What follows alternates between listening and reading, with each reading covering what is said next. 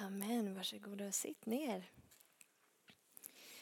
Jag ska läsa evangelietexten för dagen också och den är från Markus evangeliet kapitel 12, vers 1. Sen började Jesus tala till dem i liknelser. En man planterade en vingård. Han satte stängsel runt den, högg ut en vinpress och byggde ett vakttorn. Sen arrenderade han ut den till vinodlare och reste bort. När tiden var inne sände han en tjänare till vinodlarna för att få sin del av vingårdens frukt. Men de tog fast honom, slog honom och skickade iväg honom tomhänt. Då sände han en annan tjänare till dem. Honom slog de i huvudet och förnedrade. Sen sände han ännu en och honom dödade de. Han sände också många andra, några slog dem och andra dödade dem. Nu hade han en enda kvar, sin älskade son. Till sist sände han honom till dem och tänkte, de kommer att ha respekt för min son. Men vinodlarna sa till varandra, här är arvtagaren, kom, vi dödar honom så blir arvet vårt. Och de tog fast honom, dödade honom och kastade ut honom ur vingården. Vad ska nu vingårdens herre göra? Han ska komma och döda vinodlarna och ge vingården till andra. Har ni inte läst det här stället i skriften? Stenen som husbyggarna förkastade har blivit en hörnsten. Herren har gjort den till detta. Underbart är det i våra ögon. Då ville de gripa honom men vågade inte för folket. De förstod att det var med tanke på dem som han hade berättat liknelsen och de lämnade honom och gick sin väg. Tack Herre för ditt ord. Helige Ande, vi behöver dig i den här stunden till att eh, upplysa våra hjärtan. Vi ber om att du skulle ge oss uppenbarelse, att du skulle öppna vårt hjärtas ögon så att vi kan ta emot och förstå, Herre, djupet i de orden som vi kommer att läsa idag, Gud. Låt det inte förbli tomma teorier för oss, utan vi ber att det skulle få bli till hjärtats förvandling, Herre, och bygga oss ytterligare in i mognad i relation tillsammans med dig. Att vi skulle få växa i vår kärlek till dig och förundran över vem du är och vad du har gjort. I Jesu namn. Amen. Eh, den här liknelsen som eh, Jesus eh, berättar här, den berättar han för översteprästerna, för de skriftlärda och för de äldste. Så det är de som är åhörarna, mottagarna av, av det här som han berättar. Och de fattar någonstans, de vågar ju inte döda honom liksom efter att han har sagt det här för de är rädda för folket, men de fattar att det är liksom om dem som han pratar. Eh, de här onda vinodlarna som han berättar om i den här liknelsen är eh, de skriftlärda, eller översteprästerna eller de här äldste. Eh, han som anlägger vingården är en bild av Fadern och de här olika tjänarna sänt är bild av profeter som Gud liksom har skickat genom tiderna. Eh, och sen skickar han ju till slut sin son och ni fattar att sonen är Jesus själv. Vingården är en bild av Guds rike. Eh, de skriftlärda, eh, översteprästerna, de hade blivit satta till att förvalta det som Gud hade gett. Men de gör ett ruskigt dåligt jobb. Ehm, så Jesus säger att eh, Vet ni vad, det här ska tas ifrån er och det ska ges åt dem som faktiskt vill ta emot det och som kan ta emot det i tro. De här skriftlärda och översteprästerna, de var så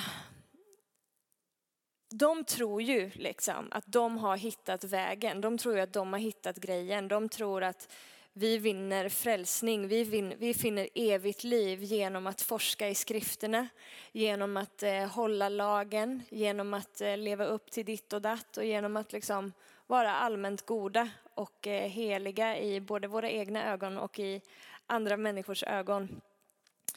Ehm, men de är så förblindade av sitt liksom, eget religiösa system att de inte fattar när frälsningen sker mitt framför dem. Liksom.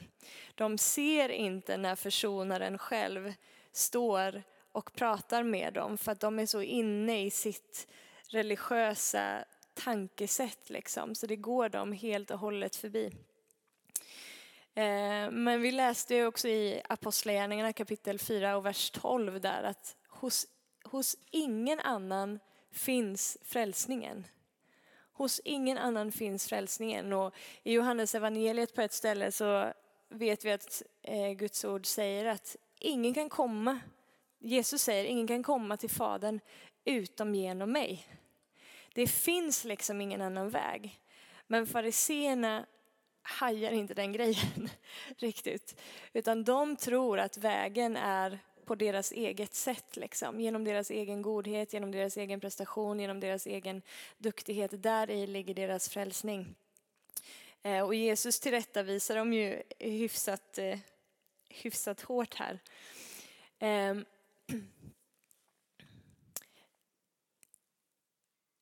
när Jesus liksom presenterar sig själv och presenterar nådens rike och det verk som han sen gör på korset som är ett verk enbart av nåd.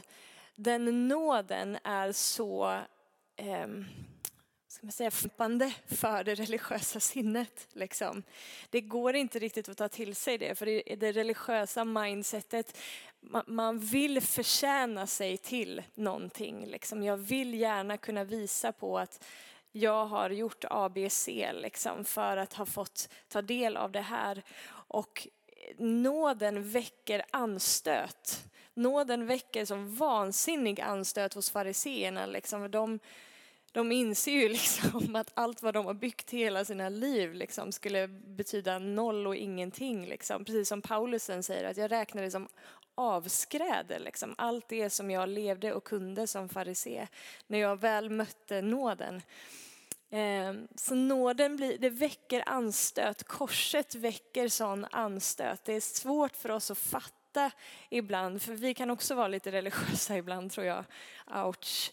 Ehm, det är svårt för oss att fatta ibland den här villkorslösheten i det. Liksom.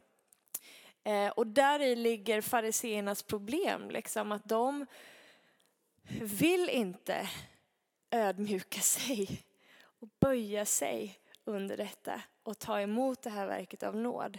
Det är deras egen stolthet som står i vägen liksom, för att kunna ta emot det som Jesus erbjuder och presenterar för dem att här, var här får ni fritt och för intet. Um, ehm, och därför då så blir Jesus för dem en stötesten. Vi läste det både i den texten här från Markus och den fanns med i Apostlagärningarna där också som vi läste. Den stenen som byggnadsarbetarna kastade bort, han, han är en hörnsten men han är också en stötesten. För alla de som inte vill ta emot, för alla de som inte liksom vill ödmjuka sig och ta emot hans nåd så blir det någonting som man stöter emot. Det väcker anstöt. Men för alla de som vill ödmjuka sig, alla de som vill böja sig och ta emot den här nåden. För dem blir Jesus en hörnsten som håller samman, som håller samman hans kropp, som blir det som vi bygger på, som blir det som bygger upp oss. Ni fattar att det här bara är lite introduktion här för att vi ska kasta oss in. Jag ska skicka med en hel massa bibelord eh, idag för att lägga lite grund. så här skriver för de som tar emot honom, hans verk i tro, de får ta emot vingården, eller riket. Eh, och för dem blir Jesus en hörnsten. Många vill försöka vinna sin frälsning byggt på tradition eller på sin nation, sin egen rättfärdighet eller godhet, men det går inte. Man måste böja sig och i ödmjukhet ta emot av nåd frälsningens gåva genom Jesus som är försonaren. Det är bara genom honom som vi har tillträde till Fadern. Och detta tillträde till Fadern, eh, korset, Jesu död, står som centralt i försoningen. Det finns ingen försoning för oss med Fadern utan Jesu död på korset. Det går inte, det finns ingen annan väg. Och då kan vi lägga upp det första bibelordet här som är från Romarbrevet kapitel 5 och vers 10 till 11. För om vi som var Guds fiender, vi som var Guds fiender, det var alla vi här innan vi hade tagit emot Jesus.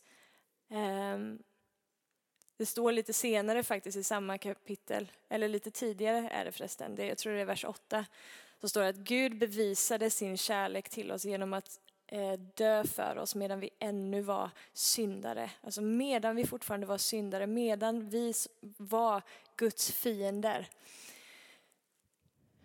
Som var Guds fiender blev försonade med honom genom hans sons död. Hur mycket mer ska vi då inte som försonade bli frälsta genom hans liv? Men inte bara det. Vi gläder oss också i Gud genom vår Herre Jesus Kristus, genom vilken vi nu har tagit emot försoningen. Vi blev försonade med honom genom hans sons död. Det är väldigt tydligt i det här bibelordet att försoningen med Gud sker på korset. Det sker när Jesus dör. Alltså, utan korset, ingen försoning.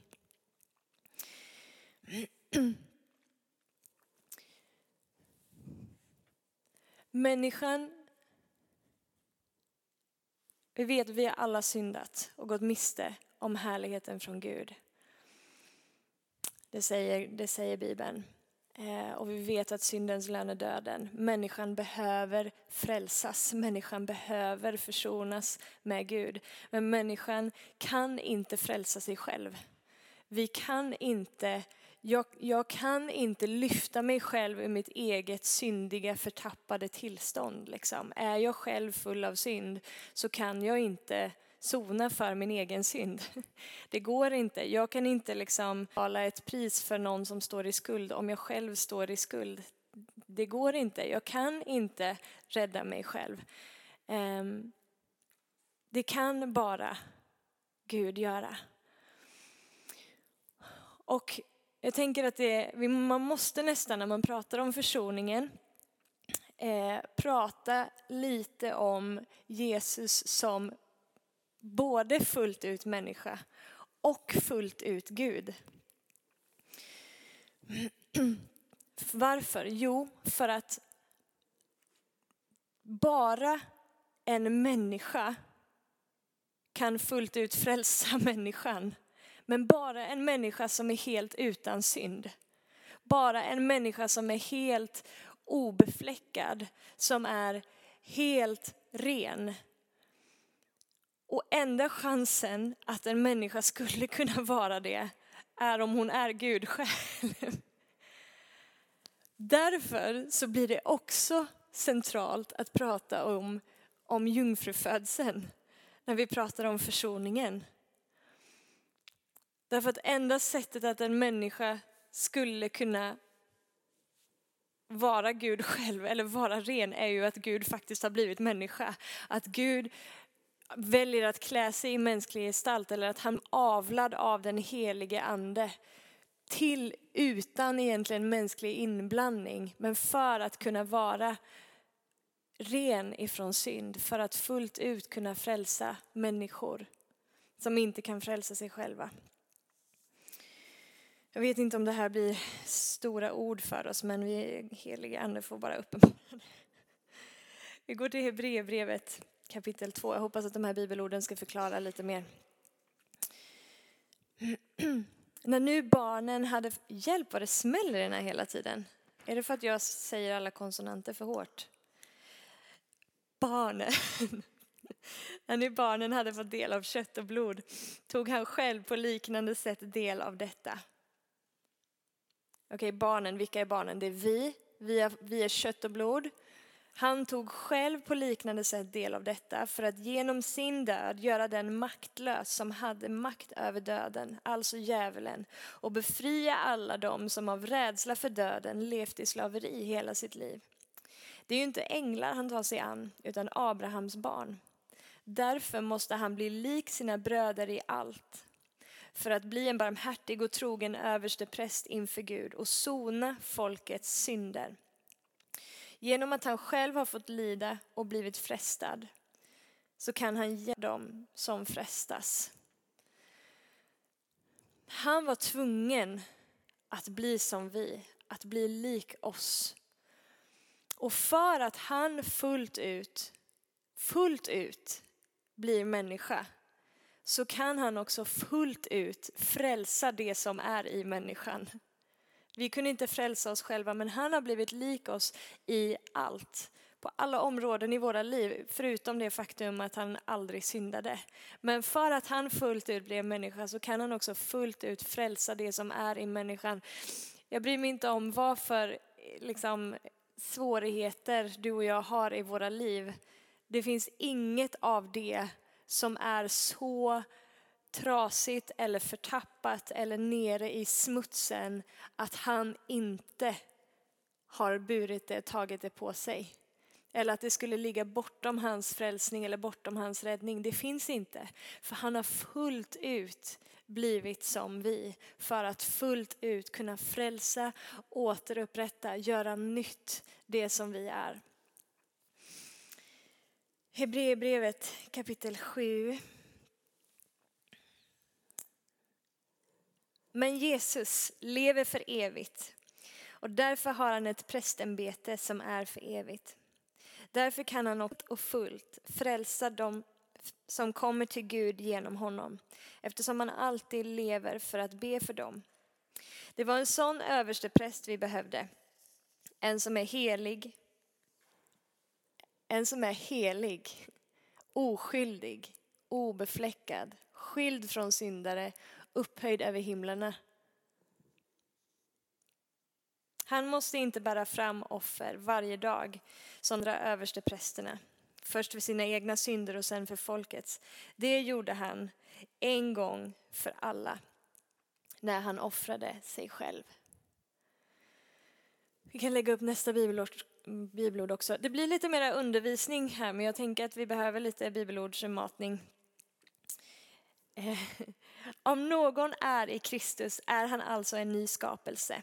Det gamla är förbi, något nytt har kommit. Och allt kommer från Gud som har försonat oss med sig själv genom Kristus. Han har försonat oss med sig själv genom Kristus och gett oss försoningens tjänst. Gud var i Kristus.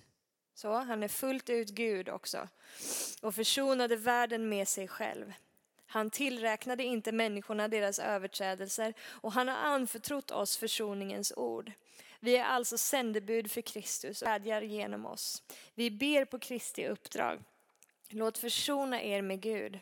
Han som inte visste av synd, honom gjorde Gud till synd i vårt ställe för att vi i honom skulle bli rättfärdiga inför honom. Han som inte visste av synd, honom gjorde Gud till synd i vårt ställe för att vi i honom skulle bli rättfärdiga inför honom. Han var tvungen för att bli som vi och fullt ut identifiera sig med oss och fullt ut ta på sig det som var vi. För att också fullt ut kunna ge oss det som är han. För att han fullt ut var människa kan han fullt ut frälsa det som är i människan och för att han fullt ut är Gud så kan han också fullt ut ge oss det som tillhör Gud. Han kan fullt ut ge oss av sig själv. Han kan fullt ut ge oss av sin rättfärdighet och han kan fullt ut ge oss av sitt liv. Allt det som tillhör hans rike. Kolosserbrevet kapitel 1 och vers 20 och genom honom försona, genom honom, alltså genom Jesus, försona allt med sig själv sedan han skapat frid i kraft av blodet på hans kors. Återigen, korset är i centrum för försoningen. Frid genom honom, både på jorden och i himlen. Första Johannes 4 och 10. Detta är kärleken, inte att vi har älskat Gud, utan att han har älskat oss och sänt sin son till försoning för våra synder. Och nu sista bibelstället här, första Johannes 2, 1-2. Mina barn, detta skriver jag till er för att ni inte ska synda. Men om någon syndar har vi en som för vår talan inför Fadern, Jesus Kristus, den rättfärdige. Han är försoningen för våra synder och inte bara för våra utan också för hela världens.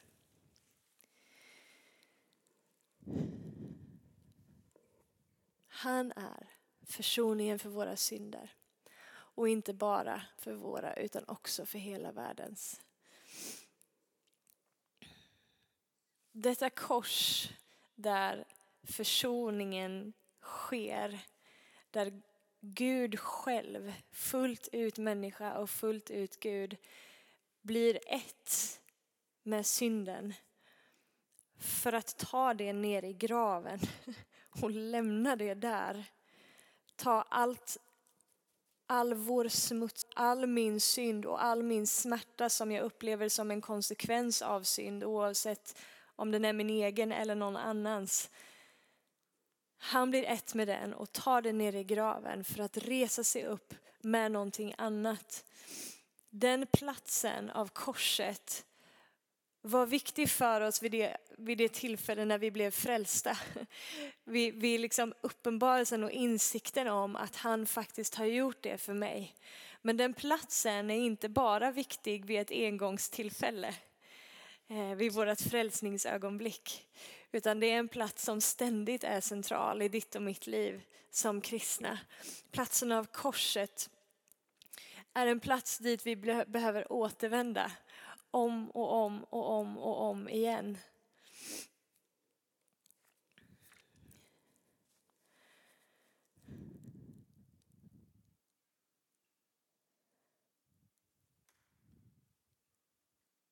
Varför? Av många anledningar, uppenbarligen. Men det finns en anklagare som gärna vill liksom lyfta upp synden i ditt och mitt ansikte liksom. Och peka, göra ditt för dig på vilka sätt som du har misslyckats liksom. Alla dina tillkortakommanden och få dig att leva i känsla av skam eller leva i känsla av fördömelse eller otillräcklighet eller vad det nu än kan vara. Och varje gång som den känslan kommer så kan vi peka upp till det där korset och bara, han har tagit det. Han har tagit det för att jag inte skulle behöva bära det. Han har tagit det för att sätta mig fri. Och så finns det också den helige ande som också kan påtala synd i våra liv. Men det är väldigt skillnad på när anklagaren kommer och pekar på synden i ditt och mitt liv och när den helige ande kommer och pekar på synden i ditt och mitt liv. För när anklagaren kommer och pekar på synden i ditt och mitt liv så får han oss att känna som att vi är cementerade i det tillståndet. Liksom. Vi är fast där, vi kan inte göra någonting åt det. Det här är en del av mig, det här är min identitet, jag är allmänt rutten. Och när den helige ande kommer och pekar på synden i ditt och mitt liv så pekar han också på Jesus. Han visar dig vad han har gjort. Han lyfter, den helige ande lyfter din blick till frälsaren och låter dig se verkligheten av vad han faktiskt har burit för dig. Vi förknippar ofta korset med lite så här långfredagskänslan. Liksom. Det är känsla av, av sorg och liksom lite melankoli och lite så här äh, tungt liksom. Eller jag förknippar ofta korset med det i alla fall. Och det är ju sant i bemärkelsen av att korset får vara en plats där vi kan liksom vi får leva i förkrosselse över vår, vår synd, liksom, eller förkrosselse när vi inser att det var min synd som spikade upp honom på det där korset. Liksom. Det, var, det var min synd som gjorde det. Eh, och platsen, det är en plats av att liksom identifiera sig med Jesu lidande. Men korset är också platsen av min största frihet. Korset är platsen faktiskt där allt det som har bundit mig, där allt det som har tyngt mig, där all min smärta, där all min sjukdom, allt det som jag upplever av syndens konsekvenser eller syndens verk i mitt liv spikas upp där. Där skuldebrevet som vittnade emot mig med sina krav, som Kolosserbrevet kapitel 2 uttrycker det, det skuldebrevet är spikfast där och tas med ner i graven för att jag inte längre ska behöva bära på det, för att jag ska kunna leva i frihet. Där blir syndens makt, dödens makt besegrad. Makterna blir förevisade offentligt, förlöjligade, när Jesus triumferar över dem på korset. De har inte längre någon juridisk rätt att binda mig. De kan inte längre hålla mig i slaveri för att Jesus har tagit det med sig ner i graven. Det tillhör inte längre mig. Han blev ett med mig för att jag skulle kunna bli ett med honom. Han tog det som jag förtjänade för att jag skulle kunna få det som han förtjänade. Där i ligger min största frihet, frihet och insikten i det, uppenbarelsen i det, liksom, i det verk som han faktiskt gjorde där. Boy, när det får ta sin plats i mitt liv liksom. Vad ska kunna stoppa oss? Vad är det som ska kunna hålla oss tillbaka? Liksom? Amen. Sen vet vi också att när Jesus uppstår, liksom, han uppstår i det nya livet och vi får uppstå i det nya livet tillsammans med honom. Han, korset får bli, bli, blir frälst ifrån någonting. Liksom. Jag får lämna någonting bakom mig. Det som har bundit mig, tyngt mig, snärjt mig. Den makten bryts, den klipps av. Och sen blir uppståndelsen liksom vägen in, eh, frälsningen in i det nya livet. Jag får ta emot det nya livet som han nu lever och som han nu ger. Det, det lyfter mig in i någonting också. Men korset är platsen där det där jag får lämna det bakom mig. Där bryts dess makt. Så varje gång som den där anklagaren kommer och vill trycka upp din egen synd i facet på dig liksom, så får du bara, ah, vet du vad, du är förevisad offentligt för att Jesus har redan dött för att bryta med det där, för att jag inte ska behöva vara fången i det. Det är verkligheten i ditt och mitt liv. Och jag vet att vi alla du, liksom jag, kämpar med saker i våra liv liksom, som vi känner att vi är bundna av. Liksom. Vi har vanor eller beteenden som ibland är syndiga eller vi har tankemönster i våra liv liksom, som, som upplevs som fängelser. En del av oss kan, kanske kämpar med psykisk ohälsa. Men även om vi just nu kämpar med det så förändrar inte det det faktum att Jesus faktiskt en gång för alla har dött för att bryta med det där. Han har dött för att besegra ondskans makt, han för att besegra dödens makt. And I don't care vad du och jag går igenom, det förändrar inte det faktum av Jesu verk. Liksom. Och om och om igen så kan du och jag få ställa oss under det verket liksom, och på något sätt bara claima korset över våra liv och säga nej, vet du vad Satan, du kan inte pilla på mig på det här området för det här är vad Jesus har gjort för mig. Därför är korset så, så centralt och så viktigt för oss att vi liksom får uppenbarelse kring. Liksom. För det kommer sätta oss fria på så många områden i våra liv när vi inser liksom att vänta nu, jag behöver inte kämpa med det här. Fienden har ingen rätt att mucka med mig på det här området för att Jesus har redan betalat priset för det. Han har redan tagit den här skiten. Den tillhör inte längre mig, den är inte en del av mig. Han har lagt den i graven. Och by the way, om du inte är döpt så behöver du bli döpt. För dopet är platsen där vi får identifiera oss med Jesu verk på korset. Där vi får gå ner i, i graven som liksom en, identifikation med hur Jesus går ner i graven och vi begraver det gamla livet bakom oss och reser oss upp i uppståndelselivet. Liksom. Det som ville binda, hålla oss kvar, hålla oss fångna, kvar där nere. För vi har identifierat oss med Jesu kropp, blivit ett med Jesu kropp och det verk som skedde där på korset och i uppståndelsen. Du behöver den friheten i ditt liv. Jag behöver den friheten i mitt liv. Och jag är döpt by the way. Men vi behöver det. Vi behöver det.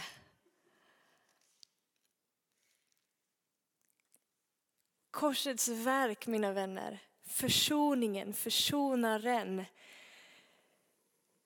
Vi kan, inte, vi kan inte rädda oss själva. Du kan inte försöka liksom bara bete dig lite bättre liksom, för att inte synda längre. Försöka liksom, göra bättring. It doesn't work. Din kraft till att leva ett förvandlat liv ligger i uppenbarelsen om vad han gjorde på korset och sen hans eh, uppståndelse. Där i ligger din och min förvandling. Jag vet inte hur jag ska landa det här flygplanet alltså. Korset är platsen där jag får gå från självmedveten till gudsmedveten. Där jag inte längre är så medveten om min egen synd och mitt e min, min egen smärta. Liksom. Att, det, att jag är uppstånd och känslan av att vara liksom fast i det tillståndet. Utan platsen där han blir stor. Där hans verk blir så tydligt för mig. Där det, det, det som han har betalat för mig, det som han har köpt åt mig. Det som fadern har köpt åt mig med det dyrbaraste han hade. Där det får bli levande för mig. Oj, vilken frihet som finns i det. Vi kan få ta emot i tro det som han har gjort. Korset och försoningen kan vara en upplevd verklighet i våra liv. Vi blir så hemvana ibland, liksom hem, vad heter det så? Hem, hemmablinda, hemtam. Eh, vi, vi snackar om korset liksom och så bara fattar vi inte alltid hur stort det är. Vilken kraft som ligger i det. Att på riktigt döden blev besegrad. Ondskans makt blev besegrad och det kan vara en upplevd verklighet i ditt liv. Det är inte en teori, liksom. det är inte så en fin symbol som vi ibland vill ha i ett halsband. Liksom. Det här är förvandlande kraft.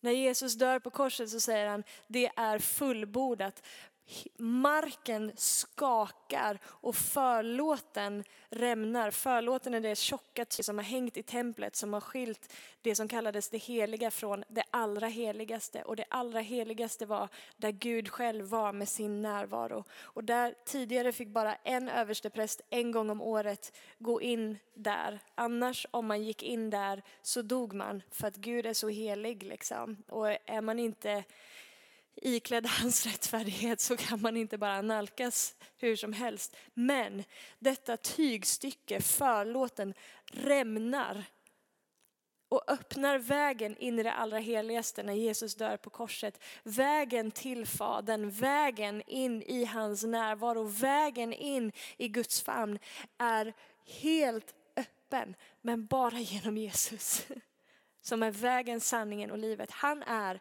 vägen. De som vandrar den vägen finner livet i honom. Försök inte att vandra någon annan väg. Försök inte att rädda dig själv. Det går inte. Men han är vägen och i honom finns det livet.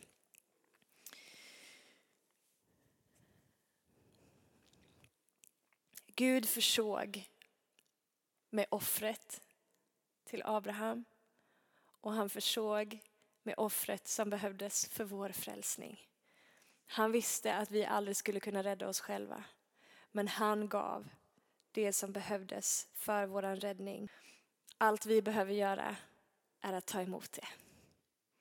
Att ta emot det, för det är av nåd. Vi får ödmjuka oss, böja oss och ibland böja vår, vårt stolta sinne för våra känslor och våra tankar säger ibland liksom att jag kan bara ta emot det här om jag först har gjort bla bla bla bla bla. Om jag först har kommit till den här och den här punkten. Liksom. Om jag först har städat upp mig själv lite grann. Men då helt plötsligt så är det ju inte villkorslöst. Då är det ju inte nåd. Då har jag liksom lagt till lite av vad jag själv behöver göra för att först kunna ta emot. Men det där får man liksom bara lägga åt sidan och bara okej, okay, mina känslor säger så här, mina tankar säger så här, men det är min egen stolthet som talar här just nu.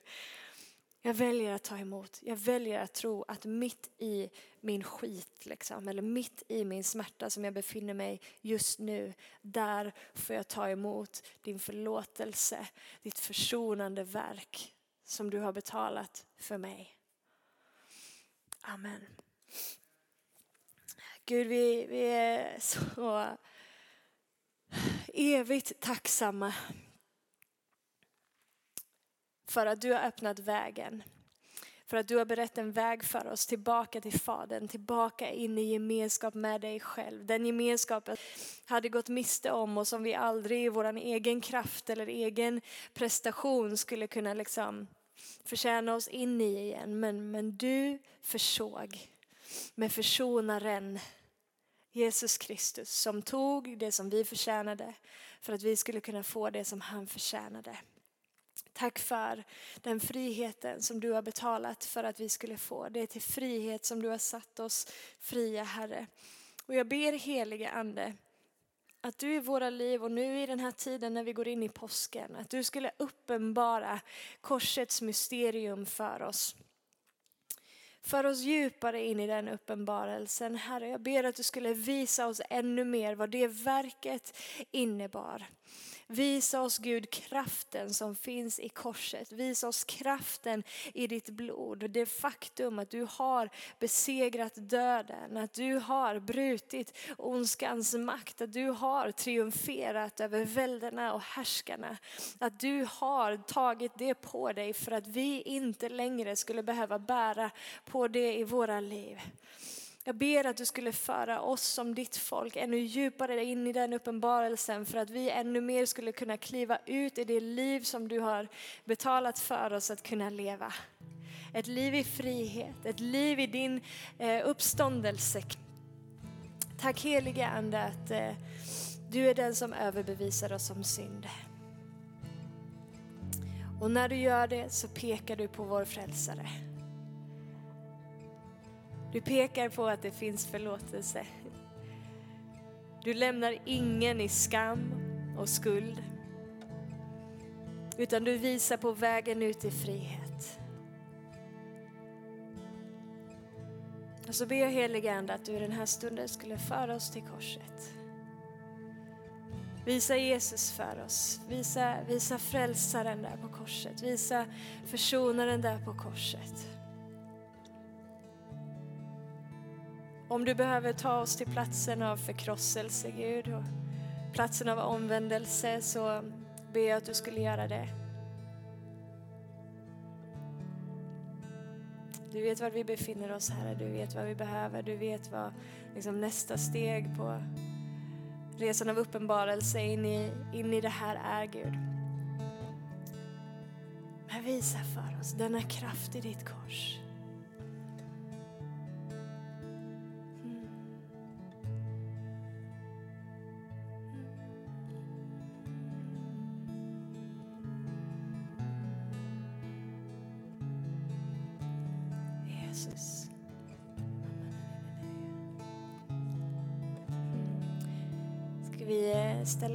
Tillsammans.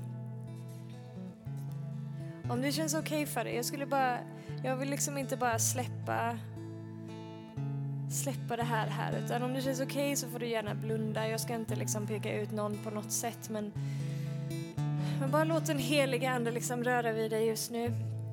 Eh, låt den heliga ande måla bilden av Jesus på korset igen för dig. Vill du ta orden i din egen mun, liksom att Herre visa mig mer. Visa mig kraften i ditt kors, uppenbara för mig. Så får du gärna göra det, bara liksom be honom, be in i det här området. Insikten, sanningen är att vi har blivit satta fria. Insikten och uppenbarelsen i att eh, ingen lögn längre har rätt att binda oss. Det har inte liksom laglig, juridisk, rätt, andligt sätt att binda oss. Så Herre, jag ber att sanningen om vad du gjorde på korset skulle få skaka våra fängelser som vi ibland lever i, i våra sinnen. Låt det få skaka de fängelserna, låt det få ruska om det. Jag talar ut frihet över ditt folk. Frihet för de fångna genom kraften av ditt kors, Herre. Ja, Gud i himmelen.